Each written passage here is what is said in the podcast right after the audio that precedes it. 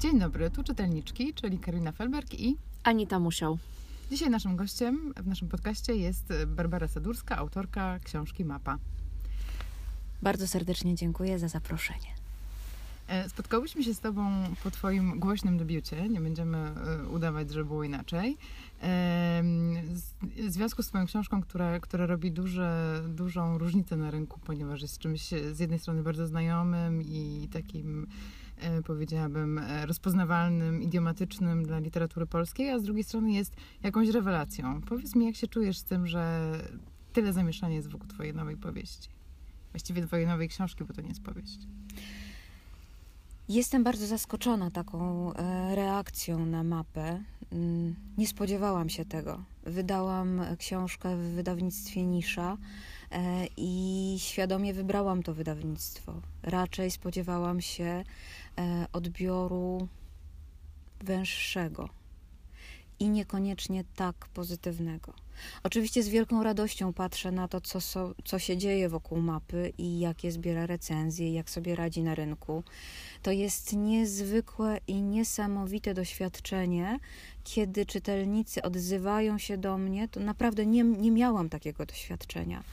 E, I piszą, mówią, że e, czytają tę książkę po raz drugi, e, kiedy dzielą się ze mną swoimi e, spostrzeżeniami, interpretacjami, sposobem rozumienia i odczytania tej mapy, tych opowiadań, bo ja to cały czas traktuję jako zbiór opowiadań, które są połączone wspólnym motywem. Tak, możliwe jest odbieranie tej książki jako powieści, ale to, czy to jest powieść, mm, o tym decyduje sposób odczytania i odbiór czytelniczy. To nie ja napisałam powieść, tylko ta książka jako powieść może funkcjonować e, w odbiorze czytelniczym. To może wyjaśnijmy y, naszym słuchaczom y, właściwie o co chodzi między tą różnicą gatunkową między powieścią a opowiadaniami, ponieważ troszkę jest tak, że z racji tego, że, że wszystkie te cząstki mają jakby wspólny mianownik,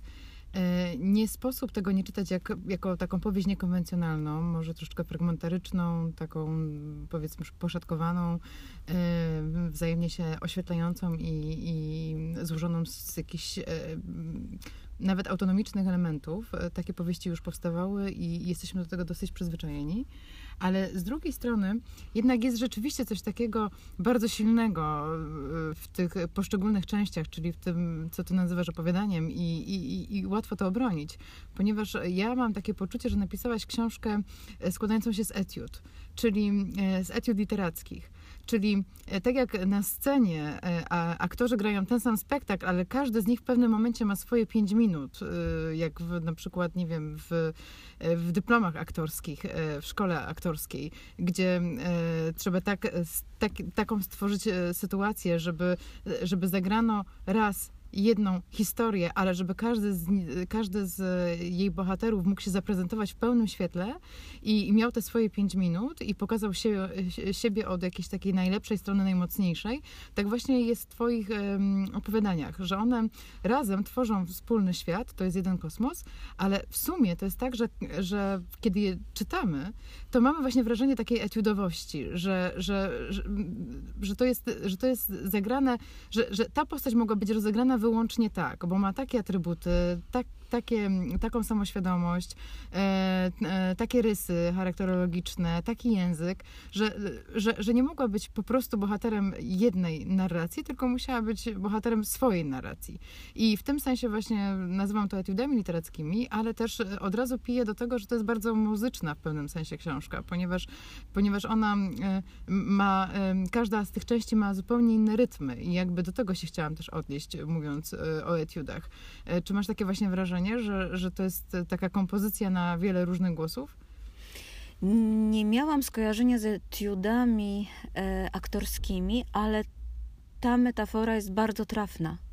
Zaskakująco trafna. Z przyjemnością wysłuchałam tego, co powiedziałaś, choć oczywiście jest to pokazanie mapy w jeszcze innym, Twoim własnym świetle i e, przesączenie tej książki przez twoją, Twoje własne doświadczenie teatralne.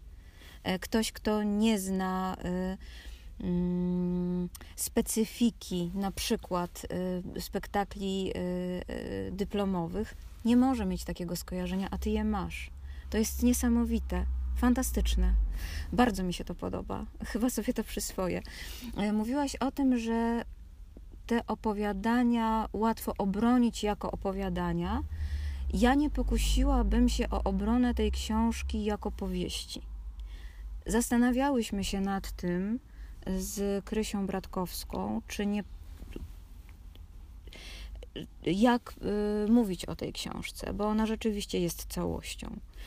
Mm, ale ja nie jestem w stanie y, obronić gatunkowo tej książki jako powieści, bo mówienie o niej jako opowieści zakłada już pewne całościowe odebranie jej przez czytelnika, odczytanie. Natomiast rzeczywiście każde z tych opowiadań jest całością i może być odczytane osobno. Zresztą e, te opowiadania pojawiły się jako opowiadania w twórczości. No przecież nie cała książka. Pojawiły się jako osobne teksty e, w miesięczniku Twórczość. I, mm, I ja je tak pisałam, jako opowiadania, które, prawda, wyrastają z jednego pnia i niejako są rozwinięciem różnych e, wątków czy ścieżek wyobraźni, e, którymi pisałam, tak? którymi podążałam podczas pisania. E, skomponowałam to jako całość, ale z pełnym szacunkiem dla gatunkowego rozumienia opowiadania. Niektóre z nich są zresztą splecione z dwóch opowie opowieści, a to, co mówiłaś o teatrze, e, jest mi bardzo, bardzo bliskie. Jedno z tych opowiadań jest e, E, adaptacją tekstu dramaturgicznego, który wysłałam e, na konkurs do Gdyni i później przerobiłam na opowiadanie, bo idealnie wchodziło w, w całość. A zdradzisz, tak? które? Oczywiście. E, to jest ostatnie opowiadanie. Zresztą troszkę widać mhm. do tej pory tam dwugłos i dialog pomiędzy bohaterami. E, to jest opowiadanie, tutaj ono ma tytuł Dworzec. A jako tekst dramaturgiczny miało tytuł 12 godzin. E, jeden z bohaterów, jeden z narratorów jest starym ojcem, ma ponad 80 lat i jest to jego ostatnia podróż i jego ostatnich 12 godzin. Natomiast drugi narrator i ewentualnie druga postać w dramacie to jest jego również dorosłe już dziecko, które na tego ojca czeka. E, I ten dialog w dramacie był zupełnie inaczej poprowadzony. No tutaj widać tylko, tylko resztki. A mnie zachwyciło odkrywanie bohaterów, którzy się pojawiali w kolejnych opowiadaniach i układali się w taką, nie wiem jak to powiedzieć, mozaikę, rodzinę, Y, odkrywałam te powiązania.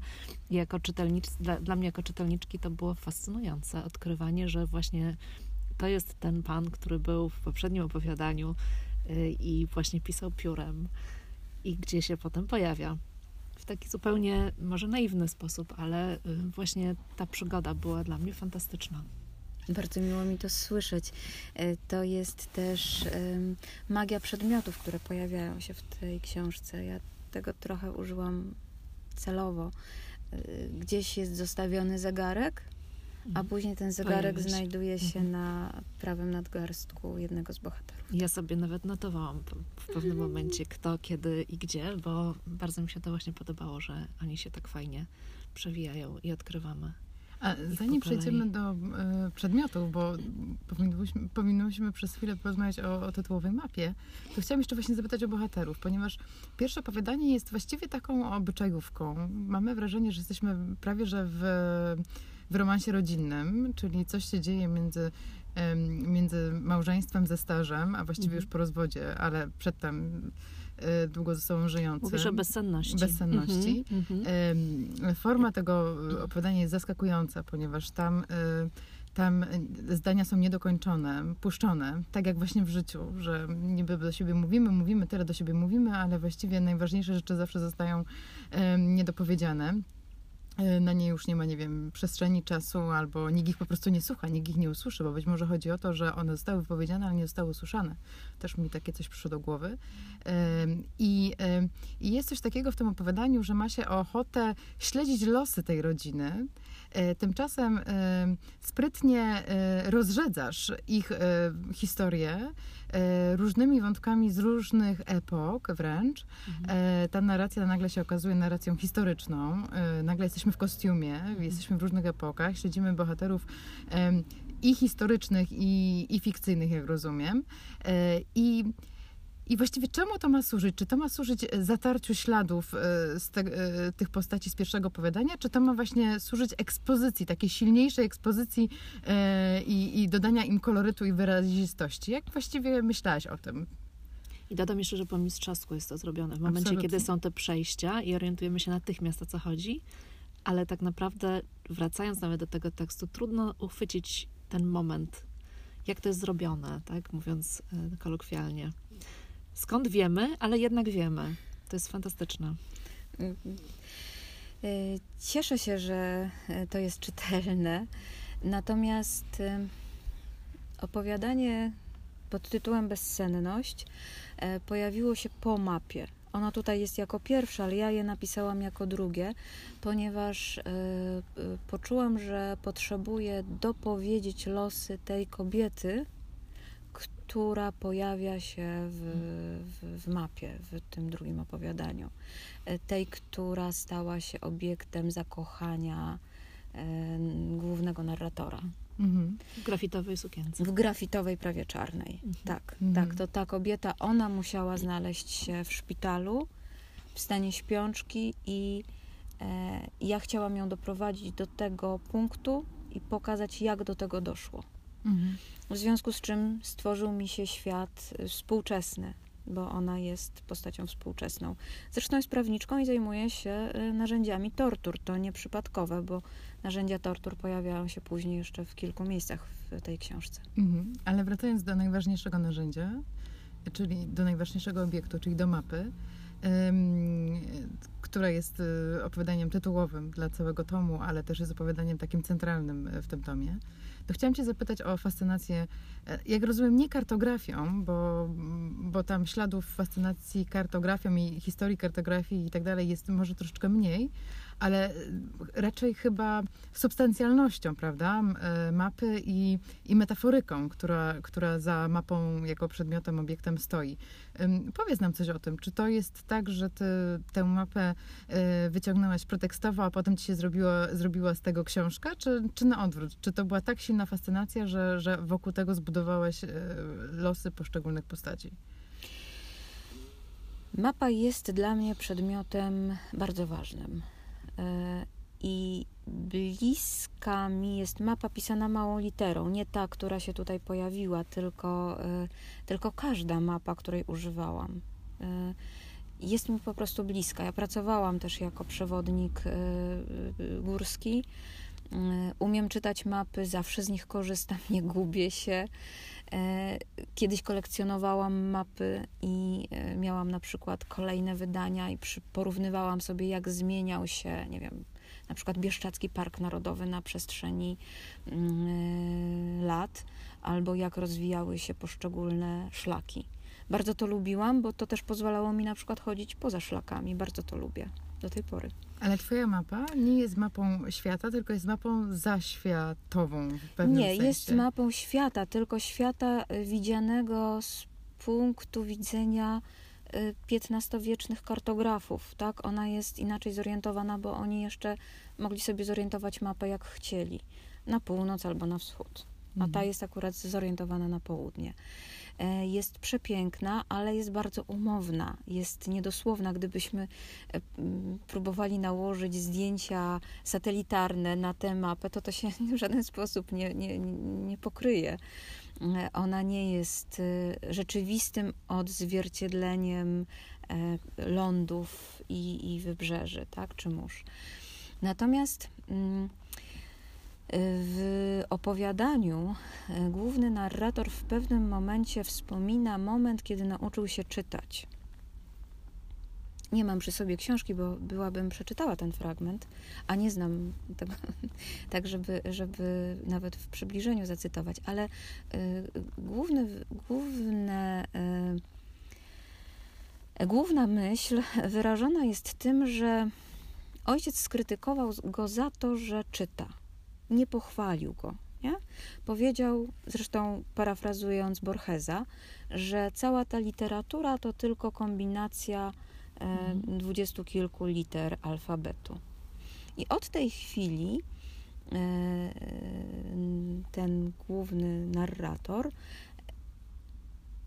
przestał cenić literaturę, ale doszedł do wniosku, że cenne jest odzwierciedlenie rzeczywistości, choćby niedokładne, choćby tylko na mapie.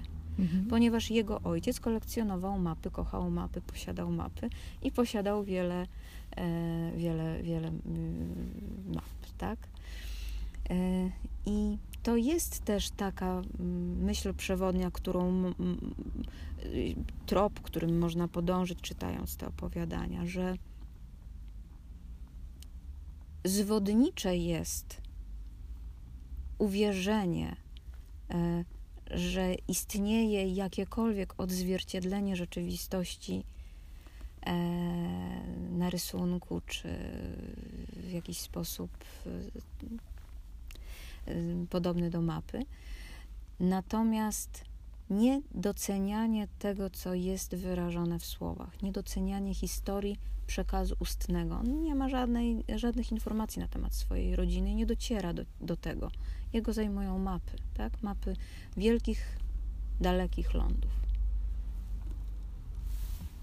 E, to jeszcze na sekundkę zostajmy przy tej mapie, ponieważ e, ta mapa, która, którą wyobrażamy sobie czytając e, twoją, Twój zbiór, to jest tak naprawdę obraz nie, nie tyle to narzędzie kartograficzne, którym się posługujemy na co dzień, jeśli się nim posługujemy jeszcze, e, ale raczej obraz świata. I właśnie o to się chciałam zapytać. E, literatura sama w sobie jest obrazem świata, nigdy nie jest od, e, jakąś relacją jeden do jednego, tylko jest zawsze jaką, jakimś punktem widzenia, obrazem, jakimś rodzajem optyki.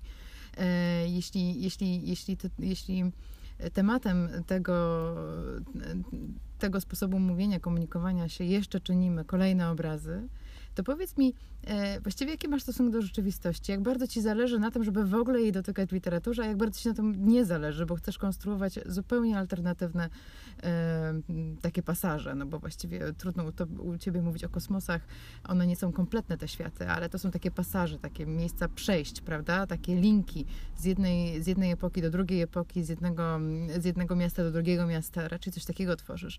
E, no więc jak to jest? Y,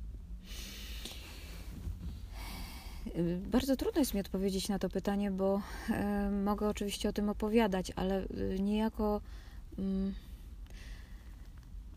odbierałabym być może mm, y, przyjemność czytania, tak? Bo rzeczywiście jest tak, że ci bohaterowie znajdują się w, w sytuacjach granicznych, w miejscach przejścia, na dworcach, w tunelach, w korytarzach pod ziemią, w windzie w szpitalu psychiatrycznym. W samochodzie. W samochodzie. W drodze. Tak. Mhm. Albo w bibliotece, która też jest miejscem mhm. pełnym portali, które prowadzą mhm. do innych mhm. światów, tak? W kilku bibliotekach. Mm. Natomiast ja Sama bardzo chętnie i z wielką przyjemnością czytam prozę non-fiction, czyli reportaże, które e, pokazują y, punkt widzenia rzeczywistości e, zobrazowany przez, przez autora czy przez narratora, bo to też nie jest oczywisty konstrukt. E, natomiast y, oprócz tego uwielbiam literaturę przez to wielkie L i sama nie pretenduję do tego, żeby stanąć tutaj w, w, w, w, tym szeregu, natomiast sama bardzo dużo rzeczy tego typu czytam i uwielbiam o, wchodzić w świat fikcji, opowieści. E, Odkrywać rzeczywistość w tych głowach w tych innych osób, Tak, postaci. tak, tak, tak. E, odkrywać to, co jest niemożliwe obiektywnie, realnie niemożliwe, żeby się wydarzyło. Tak jest u Borgesa, tak jest w ogóle w literaturze um, iberoamerykańskiej, Mhm. tak? E, Jest, no, nie chcę użyć słowa realizm magiczny, no ale on się sam nasuwa, No nie? tak, że te oczywiście. przedmioty same żyją, same niejako one nas zmuszają do tego, żebyśmy coś zrobili, a nie my się nimi posługujemy jak narzędziami. Niejako w pewnym sensie taką rolę ma mapa. Mapa, tak bo właśnie chciałam ona, zapytać. Tak, bo ona pokazuje. E, oczywiście, że to jest tylko e, w wyobraźni osoby, która posiada mapę i na nią patrzy. Mówię tutaj już o świecie przedstawionym w książce. E, I że to nie jest tak, że jakakolwiek mapa może po, pokazać nam przyszłość. No, przynajmniej nie w tym naszym Nie- nie materialnym świecie. jeszcze. Tak. Natomiast możemy sobie taką mapę e, opisać, możemy to przedstawić w literaturze i możemy się zastanowić, jakie byłyby tego skutki. I pięknie to zrobiłaś. Mam jeszcze na koniec jedno pytanie e, o e, rzeczy, które wywołują najwięcej e, kontrowersji wokół Twojej książki, która jest piękna, ale jest też okrutna. Nie jako książka, bo książki nie są okrutne, tylko zdarzenia w niej op- opisywane są po prostu studium zła w dużej mierze. Od którego ty nie uciekasz, tylko opisujesz je dosyć detalicznie. Powiedz mi, jak to jest pisać o torturach, o narzędziach tortur, opisać, opisywać momenty tortur. Jak to jest, nie mam na myśli tego, co ty czujesz jako, jako mm, autorka, tylko raczej mam na myśli to, e, co ty chcesz tym osiągnąć, jakiego rodzaju e, presję wywrzeć lub wrażliwość obudzić. Jaka jest stawka tego zabiegu? Poniekąd jest to zdeterminowane e, nie chcę użyć słowa celem, ale przeznaczeniem, jakie nadałam e, mapie czy e, akwaforcie Rembrandta nieistniejącej, czy innych przedmiotów, które ewentualnie mogą mieć taką funkcję. W pewnym sensie mapy są narzędziem opresji, e, a były na pewno w XV, XVI, XVII wieku. E, I to sprowokowało mnie do tego, żeby się zastanowić, na ile mm, na ile jestem w stanie przedstawić historię świata, czy, czy historię rzeczywistości e, w sposób niedosłowny i nierzeczywisty, nie opisując historii, bo ta książka nie jest książką historyczną. Ona o historię się tylko ociera, w kilku miejscach zahacza. E, No, ociera się, tak, to jest, to jest chyba to naj, naj... kotwiczy, w paru miejscach kotwiczy e, w zdarzeniach historycznych. E, Natomiast zupełnie niedosłownie i w taki sposób właśnie niematerialny mapa pokazuje albo wejście do piekła, albo przyszłość. Tak? To zależy, jak ktoś e, to odczyta i na co położy większy nacisk podczas czytania. I w pewnym sensie e, pokazuje wizję rzeczywistości, która może się zdarzyć, ale czy to jest tak, że musimy ją zrealizować? Może nie musimy. Natomiast e, bohaterowie tej książki, kiedy widzą mapę, mm, ulegają pewnego rodzaju obłędowi e, pożądania mapy po to, aby zawładnąć przyszłością. Jest to w kilku miejscach tam zaznaczone, ale naprawdę nie mówię, że to jest jedyny sposób odczytania tej, tej książki i, i, i nie chciałabym narzucać nikomu takiego sposobu odczytania. Natomiast pytałaś mnie, e, Karolina, o, o to, po co są sceny przemocy.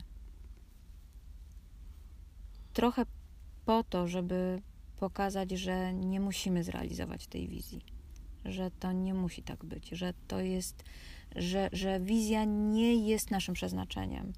E, nie, nie musimy tą, tą drogą iść. Czyli nie musimy być opętani mapą, bo postaci twoje są opętane mapą. Tak, opętaną posiadania, pożądania mapy, która jest dominująca. On, o, ci mężczyźni bardziej pragną mapy niż e, ukochanej kobiety. Są gotowi, jeden z nich na pewno, e, zabić, żeby mapę odzyskać, albo ochronić, albo zachować, dla zachować siebie. Dla siebie. Tak. E, zresztą kobiety tam są przedmiotowo traktowane. Tak.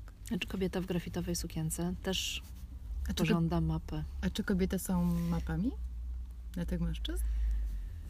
Jest taka scena, e, w której e, kardynał, przyszły kardynał, wtedy jest jeszcze zwykłym duchownym, to ten, który pracuje w bibliotece. Mhm.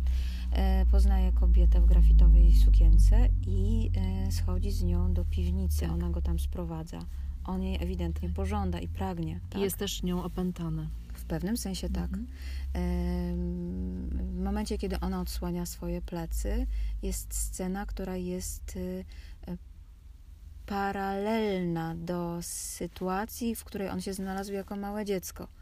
E, kiedy oglądał sobie mapę, a nawet ją polizał, mhm. tak? Mhm. I sprawdził, czy ślad... Czy został ślad. Tak. tak. Mhm. Więc jest taki, taki trop, można nim podążyć.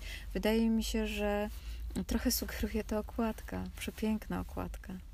Jest bardzo dużo tropów, w każdym razie to jest właśnie najbardziej fascynujące, dla mnie było najbardziej fascynujące w, w tej lekturze. Bardzo dziękujemy Ci za rozmowę. Dziękujemy. Basiu. Dziękuję bardzo. Barbara Sadurska była naszym gościem, a żegnają się z Wami czytelniczki, czyli Anita Musioł i Karolina Felberg. A na zakończenie Barbara Sadurska przeczyta fragment swojej powieści, o którym mówiłyśmy przed chwilą.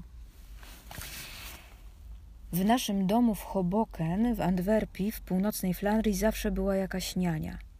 Nie mogły mieć wszystkie na imię niania, ale nie poznałem prawdziwego imienia żadnej z nich. Zresztą nie pytałem. Prały, gotowały, bawiły się ze mną i opowiadały straszne historie. Jedna była stara i miała szeroki fartuch zawiązywany w pasie. To ona opiekowała się sukniami mojej matki i to ona wepchnęła wtedy moją głowę w swój biust, tak że straciłem oddech. Ale rok później była inna, a potem jeszcze inna i wszystkie robiły kawę dla ojca i kakao dla mnie. I ciągle czegoś ode mnie chciały. Najczęściej, żebym coś jadł albo się pospieszył. Jedna z nich nauczyła mnie czytać, ale nie wiem, która. To było jeszcze jak mama żyła. Pamiętam, że żyła, bo jak oznajmiłem ojcu, że umiem czytać, powiedział z dezaprobatą: Cała ta. Cała ta literatura to zaledwie nieskończona kombinacja dwudziestu paru liter alfabetu, nic więcej. A wtedy ona: Daj dziecku spokój. Ojciec tylko pokręcił głową i spojrzał na mnie z ukosa drapieżnie. To był chyba moment, w którym na zawsze i nieodwołalnie przestałem cenić literaturę, a kilka miesięcy później, w dniu moich siódmych urodzin w marcu 1953 roku, pochylony nad biurkiem, na którym leżał plan nieistniejącego miasta Bromberg, zrozumiałem, jaką wartość ma graficzne odzwierciedlenie rzeczywistości lub choćby wyobrażenia o niej. Od tamtej chwili jeszcze mocniej pragnąłem wejść do gabinetu ojca. Przecież obiecał.